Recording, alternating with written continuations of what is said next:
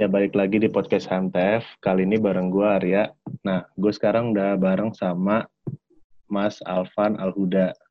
Nah, dia itu jadi entrepreneur muda yang udah uh, punya banyak anak buah. Ya gak sih? Lu dulu udah ada anak buah sih? Eh? Nggak anak buah, lebih ke rekanan. Oh, rekanan. Apa ya? Iya, tim lah, tim. Oh, tim. Nah, hmm. bisnisnya itu adalah uh, salah satunya adalah travel agency. Bisa dibilang travel agency kan ya? Iya, betul. Travel agency. Nah, uh, eh, gue nggak nanya, gue nggak mau nanya gimana sekarang semasa pandemi, soalnya itu kan udah apa ya, udah basi banget nggak sih? Iya. Nah, sekarang udah. pertanyaan gue, gimana sih caranya lu tuh memulai bisnis dari awal? Apakah lu itu ini turunan dari orang tua ke lu atau emang ah nih kayaknya gue gue banget nih bisnis nih makanya lu kejar sampai sekarang gitu? Ah oke, okay. jadi memulainya tuh sebenarnya bukan karena turunan juga ya, karena dulu uh, orang tua nggak ada yang bisnis. Kebetulan hmm. dulu ibu malah jadi petani dulu, pedagang sayur juga. Tapi kalau kalau uh, bokap ayah dulu ini kerjanya PNS jadi hmm. kepala sekolah SMP itu jadi emang nggak ada bisnismen di keluarga sama sekali. Nah memulai bisnis itu karena dulu ada masalah keluarga yang agak ribet banyak banget masalahnya. Waktu 2016 itu masih kelas 2 SMA yang itu pada masa SMA itu aku sama saudara kembar tuh emang udah ini, udah ngekos. Jadi dulu rumahnya jauh dari kota. Rumahku kan di desa, di Desa Baledono Tosari namanya deket Bromo. Nah, kalau sekolah SMA tuh di kota. Di kotanya tuh lumayan jauh, sekitar satu jam setengah lah kalau dari desa. Makanya dulu disuruh ngekos. Tahun 2016 waktu kelas 2 SMA ada masalah keluarga yang bikin akhirnya eh, nggak dikasih uang jajan lah kayak gitu. Akhirnya waktu itu kerja jadi supir dari situ belajar traveler. Habis itu udah tahu banyak soal travel masuk ke kuliah tuntutan finansial makin tinggi. Nah itu terus mulai bisnis deh. Bisnis travel sendiri bikin paket wisata dari pengalaman. Kayak gitu sih. Hmm. udah udah. Dulu nah berarti mulainya dari kuliah ya? Apa dari SMA tadi? Dari SMA buat belajarnya, jadi supir dua tahun. Habis itu waktu masuk ke kuliah, keluar dari supir, bikin coba bikin paket-paket sendiri. Hmm. Gitu. Nah, bikin paket uh, wisata. Ini kan gue emang ngikutin lu dari lama ya. Kita kan emang temenan dari maba kan kita. nah, lu boleh ceritain gak sih sebenarnya kan orang taunya Alfa nih, oh HR Group ini uh, paket wisata ke Bromo. Nah, bisa gak sih lu yeah. jelasin secara spesifik sebenarnya bisnis lu tuh geraknya ke mana sih? Gitu. Sebenarnya geraknya ya ke paket wisata lebih ke private. Jadi kayak gini, uh, misal gue ceritain satu produk aja. Aku ceritain satu produk. Jadi uh, misal produk paket wisata Midnight nih ke Bromo. Nah, kalau di aku itu paketnya kayak customer tuh tinggal beli doang gitu. Sisanya aku yang ngurusin mulai dari transportasi, misal minta jemput di Surabaya, mau di depan rumah di Surabaya juga bisa. Jadi masuk liputannya tuh area Surabaya, Sidoarjo, Pasuruan, Malang itu bisa jemput di depan rumah. Harganya sama aja. Nah, paket wisata tuh emang udah all include gitu. Penjemputan juga jeepnya juga nanti dapat makan juga tiket masuk juga kayak gitu. Nah dulu fokusannya yang aku jual tuh ke arah sana. Jadi ke arah paket wisata bukan ke arah yang rental rental rental mobil kayak gitu enggak. Cuma waktu itu uh, karena paket wisata peminatnya lumayan dikit akhirnya gimana ya caranya biar dapat dapat uang yang apa ya maksudnya jualan produk yang gampang dapat uang kayak gitu. Akhirnya waktu itu dicari-cari ternyata banyak yang nyari orang tuh cuma saya wajib doang. Jadi mereka yang udah punya mobil pribadi dari Surabaya biasanya bawa mobil sendiri kan ke Bromo, nyampe di hmm. sana kan harus saya wajib. Nah, akhirnya di situ kepikiran buat ya udahlah coba nyediain jasa sewa jeep kayak gitu. Dulu awalnya jualan jeep itu di harga yang emang dijual sama agennya. Jadi agen dulu ngasih 650 ribu misal. Aku juga jual 650 ribu dulu waktu masih nyari nama lah. Waktu masih hmm. nyari nama jualnya di sama. Cuma sekarang karena udah punya nama, banyak agen-agen lain tuh yang menghubungi ke kita gitu kan buat minta kerjasama. Habis itu dikasih harga kayak potongan. Suatu misal nih, ke Bromo aku sekarang dapat harga 500 ribu jeepnya. Itu aku jualnya tetap di 650 ribu kayak gitu. Dan harga pasar emang cuma 650 ribu itu, nggak ada yang di bawah itu kayak gitu. Dari situ akhirnya kan aku dapat untung. Nah, karena sewa jeep penjualannya rame tadi, akhirnya kelihatannya kayak banyak customer nih yang hubungin ke Huniraya Group kayak gitu. Nah di situ akhirnya aku kumpulin tuh testimoni. Pertama aku nggak pernah upload testimoni kan. Baru hmm. setelah itu uh, udah kekumpul 30 testimoni gitu ya. Itu diuploadin setiap hari kayak gitu. Akhirnya kayak kelihatannya setiap hari jalan dalam satu bulan. Padahal padahal itu hasil dari nyetok kayak gitu. Oh, gitu. Jadi iya. biar iya, jadi kayak strategi doang biar kelihatan jalan terus kayak gitu. Itu sih. Nah, uh, kan banyak orang yang bisa ngebuka bisnis ya, Pan ya. Orang bisa mm nih ada modal buka bisnis. Nah, tapi mm uh, susahnya itu gimana cara mengelola atau mungkin persiapannya awalnya trigger trigger ngebuka bisnis. Nah. Kalau dari kamu sendiri itu gimana, Pak? Kalau aku kan dulu karena emang motivasinya lebih ke finansial ya. Jadi kayak lebih ke susah lah, lebih ke dari eksternal. Jadi kalau yang aku belajar itu kan motivasi ada dua, internal sama eksternal. Kalau internal tuh biasanya dari diri kita yang emang udah pengen gitu kan. Tapi kalau dari aku tuh lebih ke kepaksa gitu. Dari eksternal. Jadi kayak paksaan buat bisnis. Nah, karena motivasinya lumayan kuat waktu itu, ya gini, kalau misalkan aku nggak nggak jalan bisnis, aku nggak bisa biayain kuliah, kayak gitulah intinya. Hmm. nggak misal aku nggak kerja jadi supir aku nggak bisa biayain aku kuliah kayak gitu kan nah dari situ karena paksaannya kuat akhirnya ya mau nggak mau harus tetap jualan gitu laku nggak laku aku waktu itu nggak mikirin sih yang penting aku jual aja bikin produk dan kebetulan emang uh, ya mungkin karena lagi susah makanya kayak dibantu ya dari sananya jadi kayak ada yang beli gitu Oke, jadi soal pengelolaan dulu aku lebih ke ini sih, lebih ke administratifnya. Jadi biar kayak kelihatan kalau uh, bisnis kita tuh beneran bisnis gitu. Jadi dulu aku nyiapin kayak nota itu dulu minta tolong ke orang buat ngedesainin nota, abis itu nyetaknya di mana tuh kayak nyari-nyari channel, terus stempel kayak gitu. Jadi kayak biar kelihatan profesional aja gitu. Kayak gitu sih pengolahannya. Dan kebetulan karena di jasa kan gak ribet.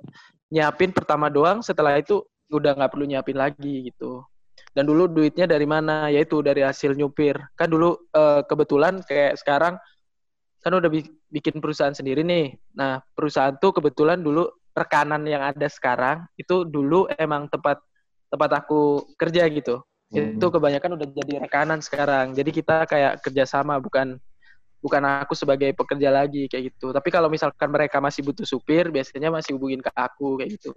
Ya dari situ uangnya yang aku putar buat buat bikin nota dan lain-lain kayak gitu. Hmm. Gue kalau misalnya gue boleh cerita ya, aku boleh cerita. Mm-hmm. Di Jakarta ini kan aku juga ada kayak toko gitulah, toko sembako gitu.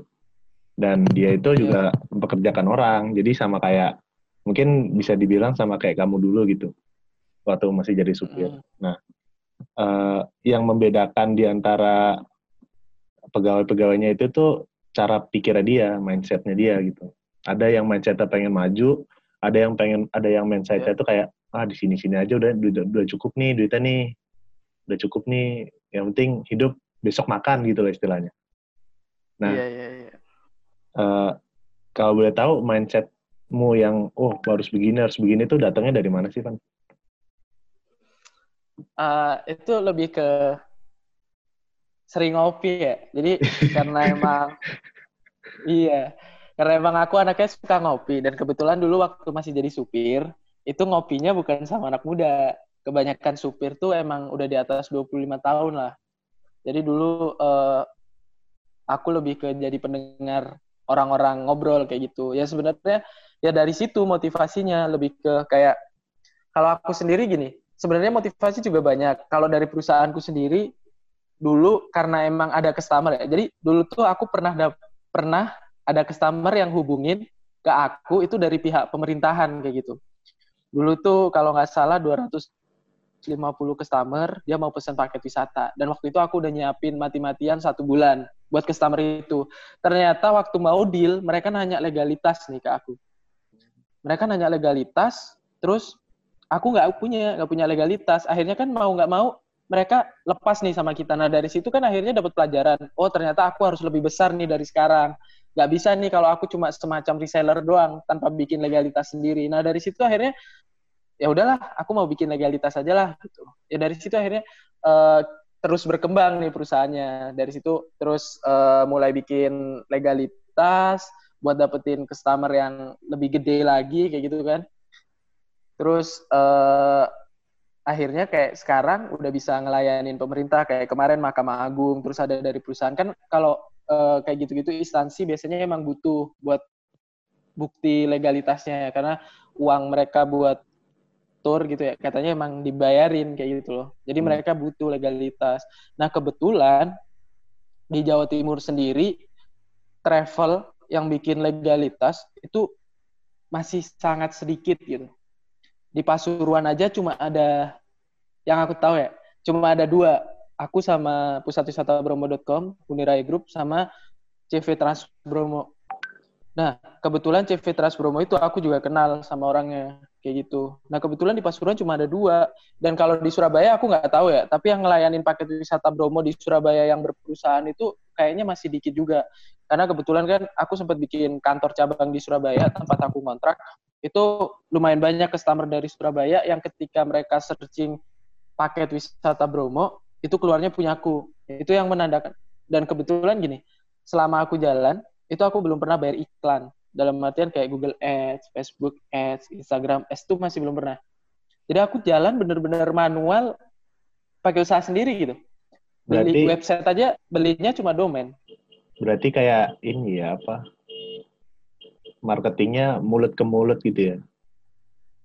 Pertama mulut ke mulut, dua dari Instagram sih, sosial media, hmm. terus website juga ada. Kebetulan kan saudara kembar juga belajar soal website gitu kan, tentang SEO dan segala macem yang aku juga nggak ngerti kayak gitu kan. Cuma itu itu jadi dipelajarin sama saudara kembarku dan pemasarannya emang manual. Dan kebetulan di perusahaanku sendiri buat pegang tentang pemasaran itu saudara kembarku, sisanya aku yang ngurus kayak gitu. Itu sih pembagiannya. Oh. Kalau menurutmu nih uh, di apa ya istilahnya zaman sekarang itu digital marketing tuh seberapa penting sih dalam bisnis gitu? Kayaknya ya 80% dari produkku produkku kejual itu dari digital marketing. Jadi kayaknya emang sangat sangat penting kayak gitu sih.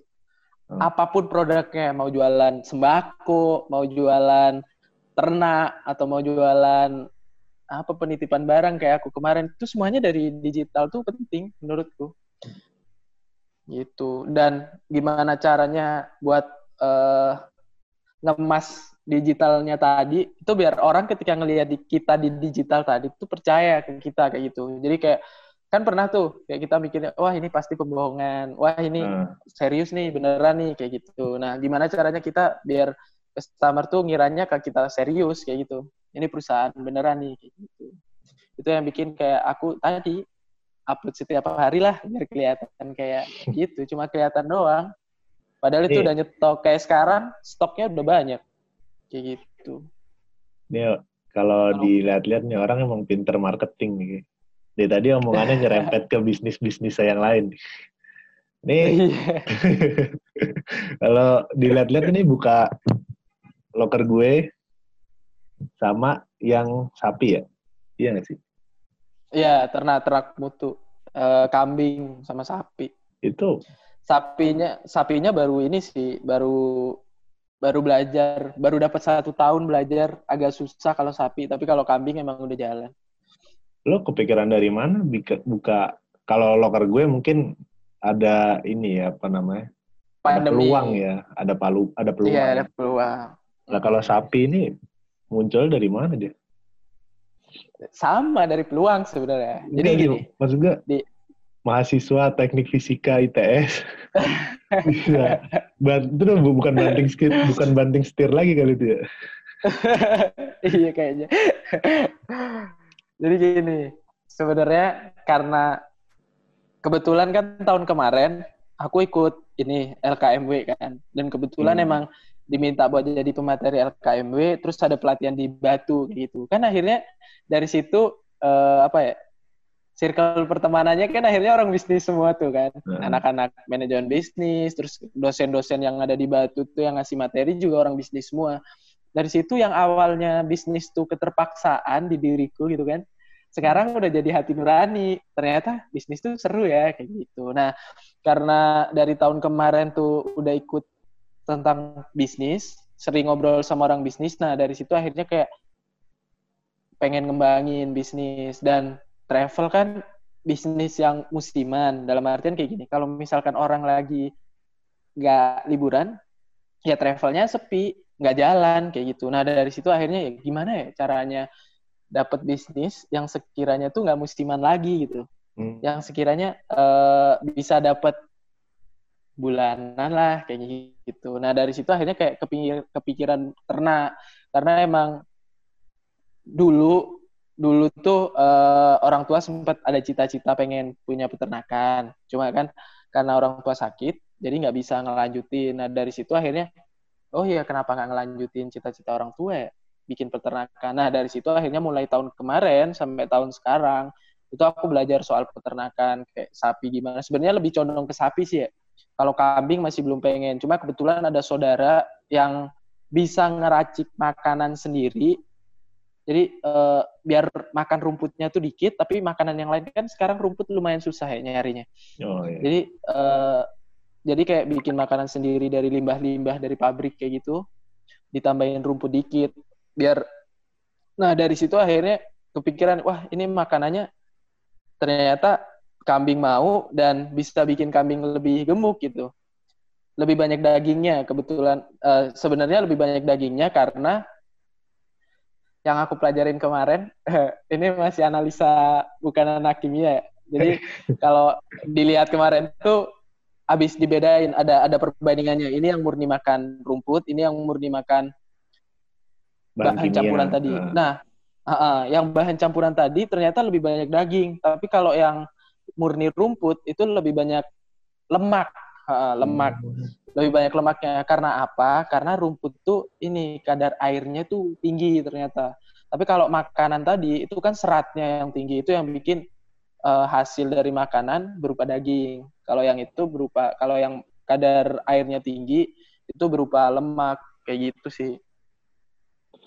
Nah. Gitu. Nah dari situ kan akhirnya tertarik tuh.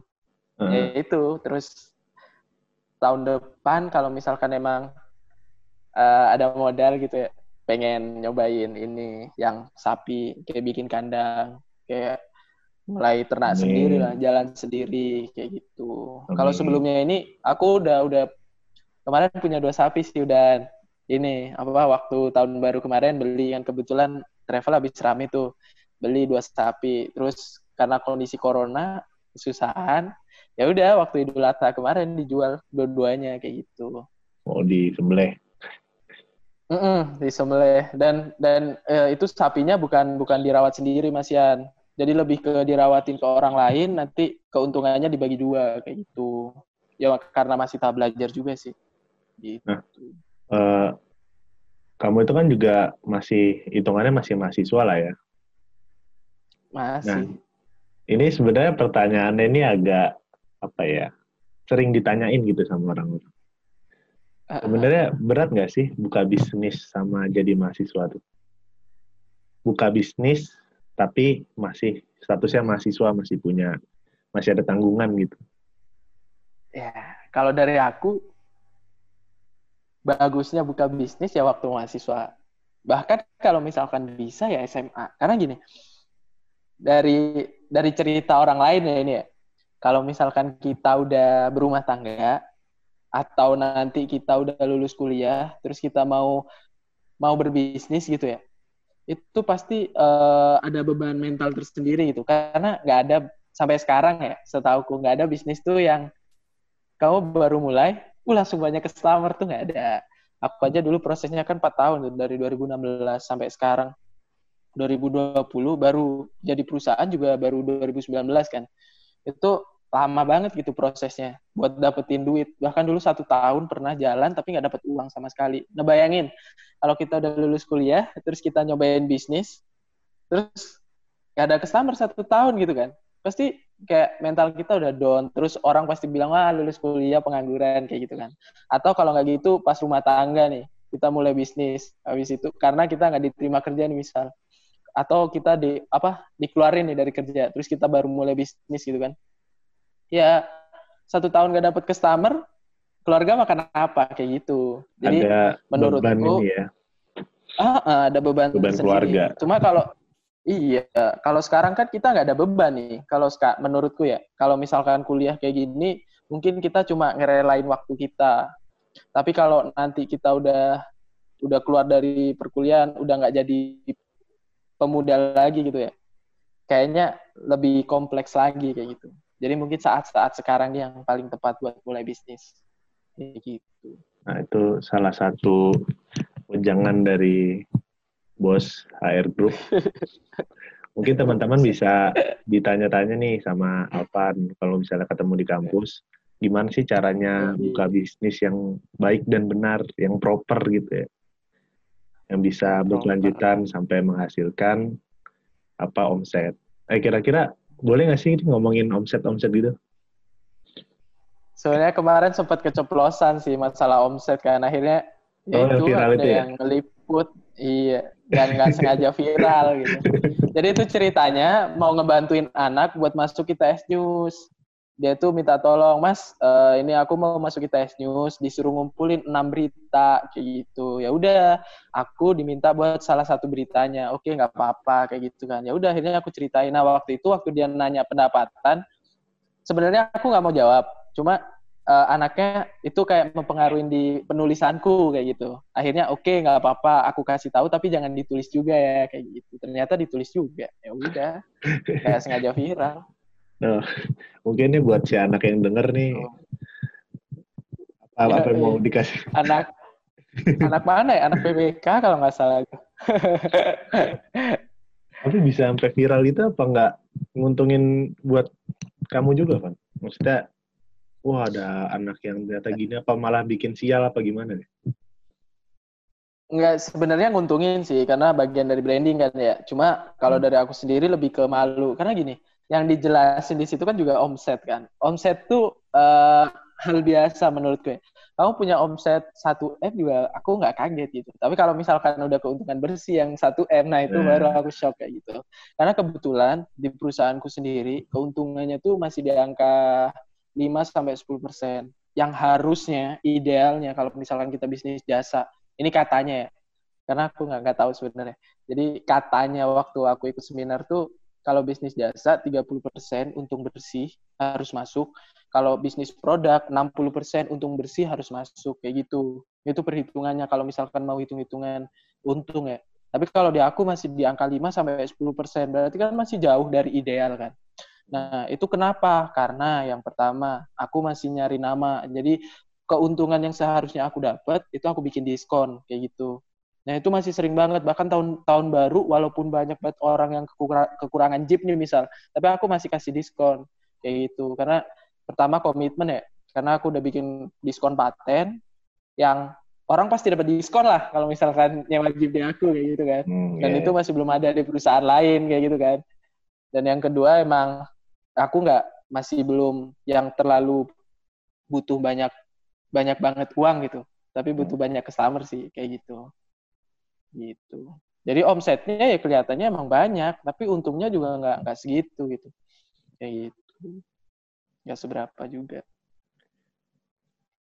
Uh, tadi kan sempat disinggung ya soal dari tes ngadain pelatihan gini gini gini kan.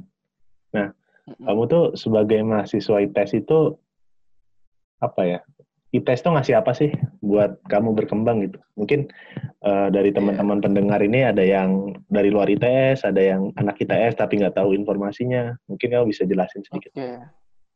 Bisa. Nah, kebetulan emang aku diminta buat ngisi materi tentang motivasi bisnis sama materi tentang uh, apa aja yang disediain ITS sih buat ngebantu kita memulai bisnis kayak gitu. Sebenarnya ITS tuh udah sangat sangat membantu. Yang pertama di ITS tuh ada kalau kalian tahu tuh kayak ada semacam koperasi sendiri buat mahasiswa yang itu juga ngurusin tentang uang, uh, tentang bisnis kayak gitu. Jadi uh, koperasi itu kalau nggak salah uh, modalnya dari beberapa mahasiswa yang ikut di koperasi, nanti dibeliin produk baru dijual lagi, untungnya juga dibagiin lagi ke mahasiswa tadi yang ikut koperasi. Kalau nggak salah kayak gitu. Terus yang kedua ada UKM, DDC. Itu juga bagus UKM-nya oh, walaupun UKM aku agama ya. Iya, itu aku nggak masuk di sana. Cuma kebetulan emang banyak teman di sana gara-gara kemarin kan. Nah itu juga bagus ternyata UKM ya buat buat dimasukin kayak gitu. Nah itu juga salah satu sarana buat kalian belajar bisnis. Terus ada lagi apa ya?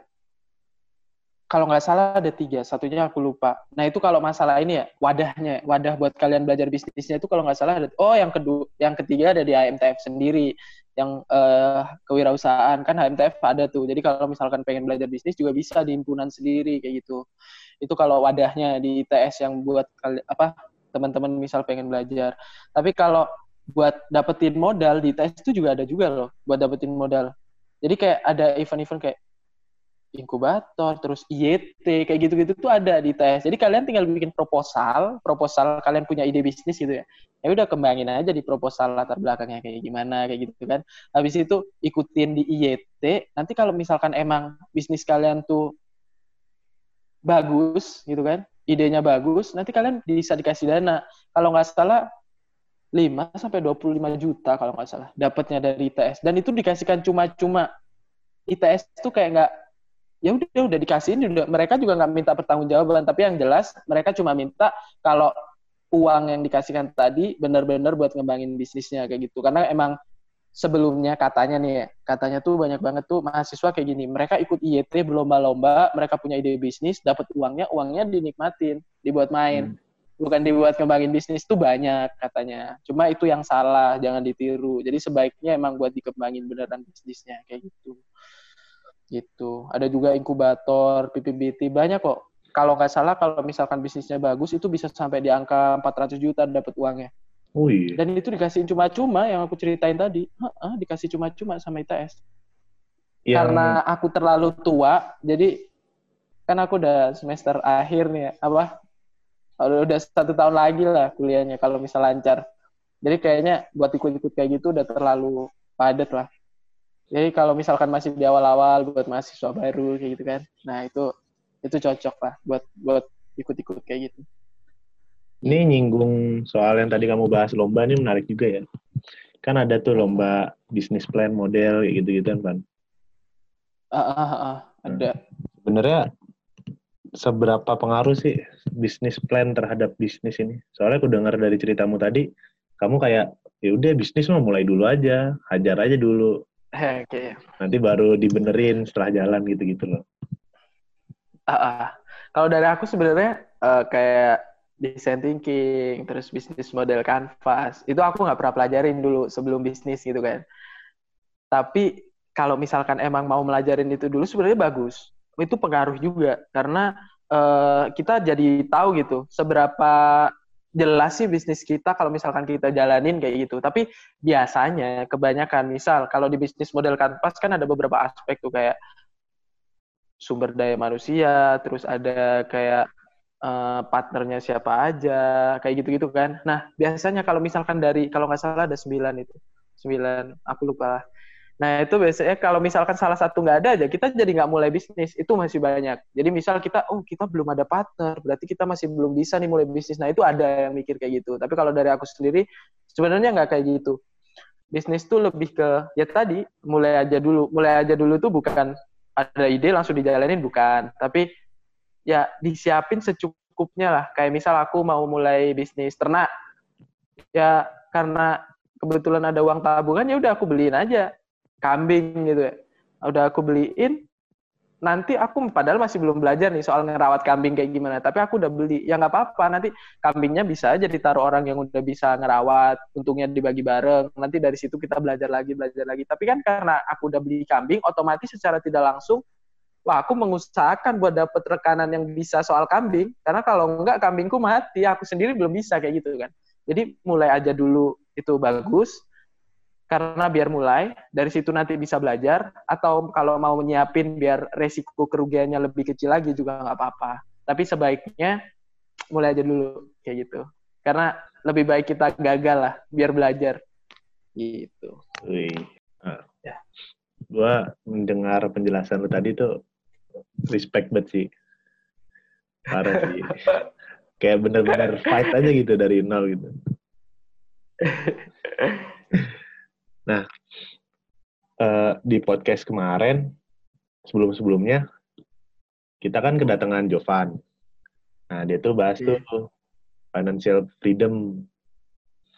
Jadi kayak hmm. mahasiswa nih melek nih investasi kayak saham, sekuritas, terus forex yeah. dan lain-lain gitu lah. Nah, uh, kan lu sama Jovan ini bisa dibilang udah financial freedom lah istilahnya udah punya penghasilan sendiri gitu kan di usia muda. Nah, yeah. Iya. uh, kenapa lu lebih milih bisnis travel ini gitu ketimbang bisnis-bisnis atau investasi lain gitu? Apa sih yang bikin lu bertahan di travel ini? Apa karena suka traveling atau apa gitu? Oh, enggak sih. Kalau suka traveling sebenarnya enggak juga sebenarnya uh, bertahan di base bisnis traveling tuh lebih ke kayak aku udah terlanjur masuk kolam nih ya udah nyelam aja sekalian kayak gitu loh. Oh. Jadi kalau misalkan mau nyobain yang lain tuh masih bentar lah ini aja digedein dulu kayak gitu. Jadi lebih ke ya tadi pengen sekalian bisa aja, pengen sekalian terjun jadi kayak nggak setengah-setengah kayak gitu dan lagi emang kebetulan bisanya cuma travel. Bisnis yang lain belum bisa kayak gitu. Masih belajar. Gitu.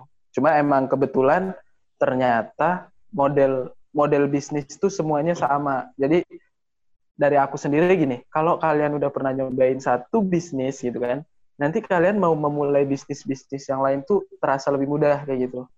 Nah kebetulan sekarang aku uh, sekalian ini nih apa promo-promo juga. Kebetulan yeah, aku uh, belajar belajar soal bisnis properti juga nih sekarang. Jadi uh, bisnis renovasi rumah, biaya-biayanya kayak gimana, terus uh, bangun rumah mulai dari cuma tanahnya doang sampai ngebangun bagus itu berapa kayak gitu. Gitu. Terus uh, perabotan rumah kayak chicken set di dapur, sofa, kayak gitu-gitu mulai belajar. Jadi tentang tentang rumah juga mulai belajar. Karena kebetulan kemarin uh, ada kenalan ya dari ngopi juga. Sebenarnya ngopi itu bermanfaat banget ya. Iya, kasih tahu buat teman-teman. Ngopi itu sangat bermanfaat. Jadi kalau misalkan ada teman kalian yang bilang kamu kebanyakan ngopi akhirnya nggak ngerti pelajaran kuliah itu jangan diambil hati. Karena kalian tahu lah ngopi itu penting banget. Nah kemarin tuh aku sempat ngopi sama orang yang udah sangat mahir di dunia properti, Pak Supangkat Widodo namanya. Nah, itu uh, dia kayak ngejelasin tentang kalau dunia properti itu untungnya pertama banyak. Terus yang kedua, sebenarnya kita hanya perlu menginvestasikan uang yang nggak begitu banyak, yang nggak kayak gini. Orang mikirnya kalau misalkan kita mau bisnis properti, kita harus minimal bisa lah beli rumah satu kayak gitu ya. Dan harga rumah satu tuh berapa kayak gitu kan. Nah, itu yang sebenarnya pemikiran yang salah kayak gitu. Nah, itu aku mulai dijelasin tentang gimana sih cara memulai bisnis properti. Ya mungkin uh, kalau misal di usia sangat muda kayak aku masih belum bisa lah ya buat buat memulai bisnis properti kalau misalkan kita nggak nggak reseller maksudnya kayak ada rumah yang dijual terus kita ngejualin lagi kalau nggak mulainya dari situ nggak bisa nah kebetulan sekarang aku mulainya juga dari situ kayak ada tanah kafling dijual terus aku disuruh masarin aku udah mulai masarin dari situ kan akhirnya banyak belajar Nah, katanya coba kumpulin Mas uang 100 sampai 150 juta lah kayak gitu. Nanti kalau misalnya udah bisa ngumpulin uang segitu, kita coba nyari rumah di daerah. Jadi kayak misal kayak aku di Pasuruan kan Pasuruan tuh um, masih kota kecil lah. beda lah kayak Surabaya, Malang kayak gitu udah mahal. Tapi kalau di Pasuruan tuh 150 juta rumah jelek tuh udah dapet kayak gitu. Ukurannya ya 8 kali 12 itu juga ya kayak perumahan standar lah kayak gitu. Minimalis nah, gitu itu Iya, minimalis. 100 sampai 150 juta tuh udah dapet. Nah, biasanya biaya renovasi buat jadi rumah bagus gitu ya. Ya kemarin sempat sempat disinggung harganya berapa. Itu 50 sampai 70 juta rumah jelek itu udah bisa disulap jadi rumah bagus banget. Jadi kayak uh, desainnya minimalis gitu. Desainnya minimalis terus penataannya bagus. Dan itu cuma habis di angka 50 sampai 70 juta. Berarti kan kalau misal kita beli 150 terus kita renovasi lagi dan renovasinya itu bisa ngutang ya. Jadi buat teman-teman nanti kalau misalkan kalian udah pernah jalan dan punya channel itu bisa ngutang. Kayak aku sekarang misal mau renovasi rumah bisa dan itu bisa ngutang gitu. Nah, itu nanti misal misal di total kan kita 220 juta. Nah, rumah minimalis yang aku tahu di Pasuruan di ukuran tanah segitu itu di angka 350 juta. Bayangin, untungnya kita bisa sampai 100 juta kayak gitu. Ya, itu kalau di dunia properti. Ya, ini aku jelasin soal nominal, ya masih sebatas itu sih yang aku tahu. Tapi sekarang aku belajarnya mulai ngejualin punya orang kayak gitu. Jadi sebenarnya kalau misal kita udah pernah buka satu bisnis, buka bisnis yang lain gampang kayak gitu. Tapi kalau di dunia investasi yang kayak saham, forex itu aku masih belum pernah nyobain dan belum pengen. gitu. Uh, ini balik lagi nih ya ke bisnis travel. Soalnya kalau kayaknya kalau udah ke properti ini kayak orang-orang di TF nih kayak ya nangkep sih. Iya. Kalau udah bahas itu. Nah. Tapi ntar maksudnya gini loh. Cerita bisnis properti itu misal nih ada teman-teman yang Jawa Timur Mas Yan. Kalau yang jauh-jauh belum bisa. Misal ada yang mau renovasi rumah orang tuanya terus oh, nyari-nyari iya. rumah tuh bisa ngubungin kayak gitu loh. Oh. Karena karena channelnya udah kuat nih kayak gitu. Mana nih nomornya dong, kasih nomornya dong, namanya siapa gitu. Ya. Promoin promoin gak apa-apa. Ya, nama nama Alvan Alvida gitu. Ya. Nomornya ya yang di Instagram aja, sama. Oh. Semua nomor bisnis masuknya ke sana. Nanti di tag kok di handset. Buset. nah, baik lagi ke travel depan dari sekian banyak kan Indonesia ini misalnya banyak ya wisata ya. Luas lah ke mana aja ada. Yang ditawarin sama kamu dan Bromo itu apa ya? Maksudnya apa aja sih di Bromo itu ada apa? Mungkin orang-orang bisa oh Bromo tuh ternyata gini tuh asik juga ya ah ikutlah sana gitu kalau di Bromo tuh sebenarnya lebih ke buat buat teman-teman yang pengen lihat ciptaan Tuhan yang bagus gitu yang keren itu masih Bromo menurutku masih nomor satu kayak gitu sunrise-nya Bromo tuh masih apa ya tidak terkalahkan lah daripada ke Paralayang ya. Iyalah. daripada ke Paralayang mending jalan ke Bromo. Kalau misalkan emang nggak bisa sewa jeep atau uh, budgetnya minim udah naik motor aja nggak apa-apa bisa. Orang tiketnya tuh per orang cuma dua puluh sembilan ribu. Dan di sana juga ada yang jualan mie instan tenang aja kayak gitu. Naik jadi nggak hanya di Paralayang sebenarnya. Sebenarnya naik naik motor juga bisa lihat sunrise-nya Bromo. Kayak gitu. Jadi kalau dari aku sendiri kenapa harus milih Bromo karena di Jawa Timur tuh ikonnya Jawa Timur tuh masih Bromo. Terus yang kedua Bromo tuh masuk nine gag juga kan. Jadi kayak udah terkenal mendunia gitu. Orang dunia aja pengen semua ke Bromo. Masa kalian yang dari Indonesia nggak pernah ke Bromo? Kayak gitu. Itu sayang banget sih menurutku orang lain tuh ngabis ngabis apa bela-belain dari luar negeri buat datang ke Bromo karena emang sebagus itu gitu. Benar-benar bisa kayak di atas awan masih ada gunung lagi muncul terus kita ada di atasnya tuh kayak gitulah pemandangannya keren banget. Tapi itu kayak itu. Emang orang mancanegara ke Bromo pernah kamu ini juga? Pernah dong, aku eh. pernah pegang dari Switzerland, pernah. Dari Mesir, pernah. Belgia, pernah. Denmark, pernah. Spanyol, tuh yang Spanyol tuh sampai deket banget. Terus Perancis pernah, itu namanya David Scordia yang Perancis tuh bahkan sampai sahabatan sama saudara kembarku itu chattingan mulu, Instagramnya juga masih ada ngefollow. Biasanya apa ngechatnya dari Facebook kalau David Scordia. Terus Nah lagi ya. Itulah beberapa negara yang pernah dilayani. Kalau yang dari Switzerland dulu kembar cewek-cewek. Jadi dia minta ke Bromo, sekalian minta ke Kawaijen, minta kita juga yang nganter kayak gitu. Kan layananku seluruh Jawa Timur nih sekarang bisa. Jadi misal mau request trip ke mana aja kita bisa ngitungin kayak gitu. Misal mau bingung mau nyari penginapan sendiri ini kita bisa di semua wisata Jawa Timur kayak gitu. Terus tiket masuk berapa sih kita semuanya udah tahu kayak gitu, udah ada listnya. Terus transportasi habis berapa, misal mau konsultasi doang juga nggak apa-apa kayak gitu. Bensin berapa ya kepacet kayak gitu kita udah tahu berapa habisnya kayak gitu. Gitu. Rata-rata orang dari luar negeri ke Bromo tahu dari mana dia? Pernah nanya nggak? Aku nggak pernah nanya, sih. Tapi uh, menurutku sekarang nih ya, orang yang emang suka traveling kayaknya semuanya pasti tahu Bromo lah. Hmm. Karena masih jadi salah satu destinasi terbaik di dunia. Itu ada kok artikelnya yang kan ngejelasin tentang Bromo sebagus itu gitu. kan orang kan taunya ya Indonesia, Bali, gitu-gitu loh, Lombok. Iya, benar. Kalau Bromo, Bromo tuh gimana ya? Tapi nyatanya emang masih banyak gini. Kemarin tuh sempat ada anak teknik industri, Mas Pras. Kebetulan kenalanku juga. Itu dia juga ini sempat men meneliti mencari data tentang customer di Bromo dan travel agency kayak gitu. Dari 100% customer di Bromo, totalnya sekitar 32 ribu customer dalam 10 hari kalau nggak salah itu yang ke cover sama travel agency itu cuma di angka 26 persen. Jadi 74 persennya tuh masih belum ada travel agency yang yang nanggung gitu. Jadi mereka masih bawa mobil pribadi sendiri lah, masih usaha sendiri lah, nyari-nyari ojek sendiri kayak gitu. Cuma 26 persen yang dipegang oleh travel agency. Berarti secara tidak langsung peluang untuk menjadi travel agency buat jualan Bromo itu masih sangat kuat kayak gitu. Itu yang bikin akhirnya aku memilih bikin website pusatwisata.bromo.com kayak gitu. Karena emang aku pengen nge-branding ya Bromo aja tuh udah sangat cukup. Karena customer-nya juga sebanyak itu kayak gitu. Dan itu masih banyak yang belum ke cover travel agency. Itu. Itu dari data kemarin sih.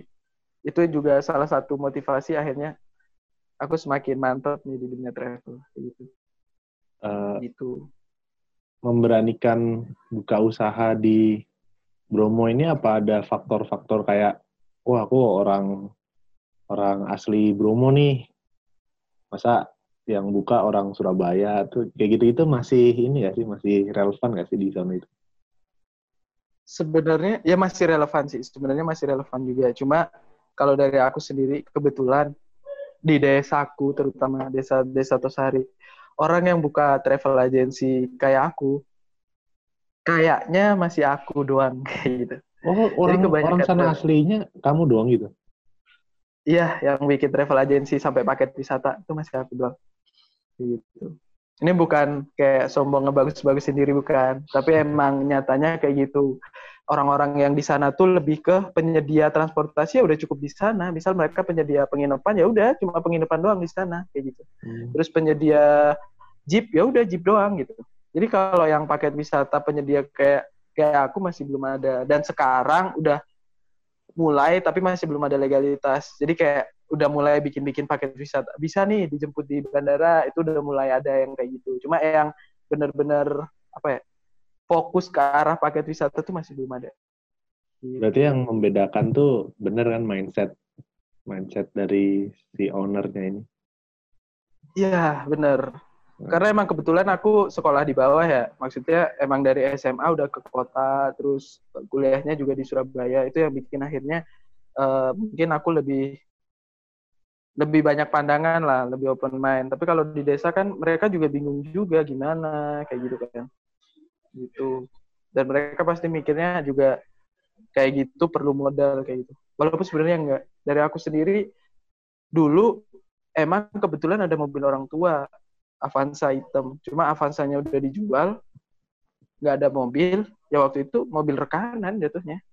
Hmm. Mobilnya orang. Jadi waktu awal-awal dulu emang pertama aku ada mobil orang tua ya buat aku jalanin travel. Tapi waktu mobil orang tua kejual, masa aku harus bergantung kayak gitu? Ya enggak. Akhirnya waktu itu ada mobil rekanan yang bisa dipinjam sewaktu-waktu. Dalam artian gini kalau misalkan jalan aku ngasih storean kalau misalnya nggak jalan ya nggak ngasih store kayak gitu. Itu ada. Ya dari situ jalan. Makanya aku aku masih bilang nih ke teman-teman kalau misalkan kalian mau bisnis travel aku siap bantu ngebimbing. Dan itu tanpa modal tuh bisa banget sekarang kayak gitu. Gitu. Asal mau mau agak struggle dikit lah nggak mungkin. Soalnya tiga bulan lah minimal prosesnya tuh lama kalau travel respect sih gila yeah. ini buat teman-teman mahasiswa yang dengerin bisa banget nih dengerin ceritanya Mas Alvan di podcast MTFTS nah, uh, buka bisnis tuh kan nggak segampang orang balikin telapak tangan ya kan? Iyalah, kita semua iya. tahu lah. Nah, iya. Bisa cerita nggak apes-apesnya atau kan dari tadi ini udah perjuangan, terus dapat omset gini-gini, ketemu orang luar negeri. Nah, di bisnismu sekarang ini pernah ya pasti apa pernah nggak sih apes atau lagi oh lagi bad luck banget nih bisa ceritain nggak gimana caranya survive ini misal kayak pandemi gini ya bisnis travel ini kan yeah. ke ini terus gimana sih cara kamu survive-nya gitu bisnis travel masa pandemi aku sendiri pendapatannya 0% ya benar-benar nggak ada sama sekali karena yang pertama kalau misal aku mau tetap jalan sebenarnya ada yang order tuh ada cuma aku sendiri karena ngikutin protokol dan waktu itu masih kayaknya coronanya kelihatan kejam ya, kelihatan doang. Jadi masih takut juga gitu. Sekarang sih walaupun kelihatan kejam udah gak takut karena udah tahu kejamnya seberapa gitu ya. Gitu. Dulu juga masih takut. Jadi kayak travel benar-benar mati 0%. Cuma karena ya tadi karena uh, faktor eksternalnya tuh kuat itu yang bikin akhirnya apa ya gimana ya caranya biar aku dapat uang di kondisi kayak gini akhirnya muncul ide ide locker tadi kayak gitu jadi sebenarnya kemarin sempet sempet sempet mau putus asa karena wah ternyata travel nggak bisa diandelin kayak gitu loh. Dan kalau kayak gini ya pusing juga.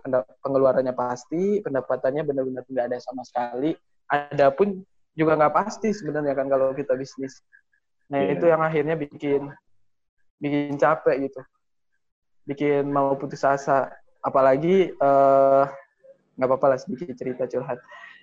Aku ada tanggungan setiap bulan kayak gitu. Karena uh, udah ya gitulah kalau orang bisnis tuh kalau pengen berkembang katanya itu coba belajar-belajar mainin bank gitu. Jadi kayak aku udah ada pengeluaran pasti yang harus aku keluarin yang harus aku cicil. Nah dari situ akhirnya kan ya kalau kita nggak struggle ya nggak bisa karena emang motivasinya udah udah, udah kuat kayak gitu.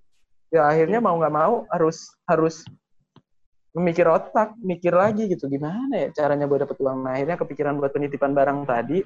Sebenarnya itu lebih ke Razan sih yang punya pikiran. Jadi uh, aku ada teman namanya Razan satu angkatan juga. Temannya Arya juga. Hey, halo Razan. Itu dia yang dia yang punya ide. Cuma uh, karena dia jauh di Jakarta dia nggak bisa ngerealisasi idenya. Jadi karena kondisi aku juga butuh banget gitu kan pekerjaan lah ya ya akhirnya waktu itu coba aku aku jalanin dan ternyata berjalan lumayan lancar kayak gitu karena emang pasarnya udah sangat jelas kayak gitu hmm. dari situ udah mulai ada pemasukan lagi terus uh, udah mulai nutup-nutup tadi itu yang yang pengeluaran pasti itu dan sekarang travelnya udah mulai buka Nah itu akhirnya uh, mulai bernafas lagi. Jadi sebenarnya gini loh, tenang aja gitu. Kalau misalkan emang kondisi kita susah, berarti uh, kita kita pasti bisa ngelampauin kayak gitu. Walaupun uh, sampai mepet banget di batas batas akhir, kayak aku tadi mau putus asa, ternyata ada juga solusinya ternyata kayak gitu. Jadi tenang aja. Jadi kalau misalkan kalian mau bisnis udah mikir gagalnya, itu nggak bakalan jalan. Tapi kalau Ya udahlah gagal dipikir belakangan pasti ada aja ntar solusi itu pasti ada solusi ternyata optimis aja udah gitu nah ngomongin bisnis tuh kan ada ngomongin masalah relasi partner gitu ya Pak betul caramu buat milih partner yang pas tuh apakah dengan satu pemikiran atau harus gimana gimana? Ini kadang-kadang suka susah nih Van kalau orang-orang mau bikin bisnis Van. Sendiri nggak berani, betul. keramaian nggak jalan. Benar. Sebenarnya gini sih partner uh, kalau dari aku sendiri partnerku kan saudara kembarku yang yang pertama kali aku dapat partner adalah saudara kembarku. Dulu pertama kali jalan banyak banget masalah. Maksudnya masalah tuh kayak gini. Kita tuh masih sering kayak gini kamu enak kayak kerjanya aku yang susah kayak gini-gini gitu kan. Nah, terus iya. ada apa di, di di lain waktu kayak enggak nih ternyata enakan jadi kayak kamu nggak nggak kayak aku gitu. Aku aku ribet ngurusin uh, customernya udah jadi customer service terus masih ngurusin administratif hubungin partner dan segala macam. Enak kamu tinggal pemasaran doang tuh masih pernah terjadi kayak gitu dan itu lumayan lama. Akhirnya waktu itu kita udah kayak sedikit marahan dan waktu itu uh, dari marketing sendiri saudara kembarku ganti semua kontaknya ke nomor dia kayak gitu. Dan aku disuruh marketing sendiri. Dan waktu itu sempat jalan satu bulan dia banyak customer yang nanyain ke dia. Cuma nggak ada yang deal gitu nah dari situ kan terus kalau aku sendiri aku coba masarin sendiri dan emang nggak dapat customer kayak gitu.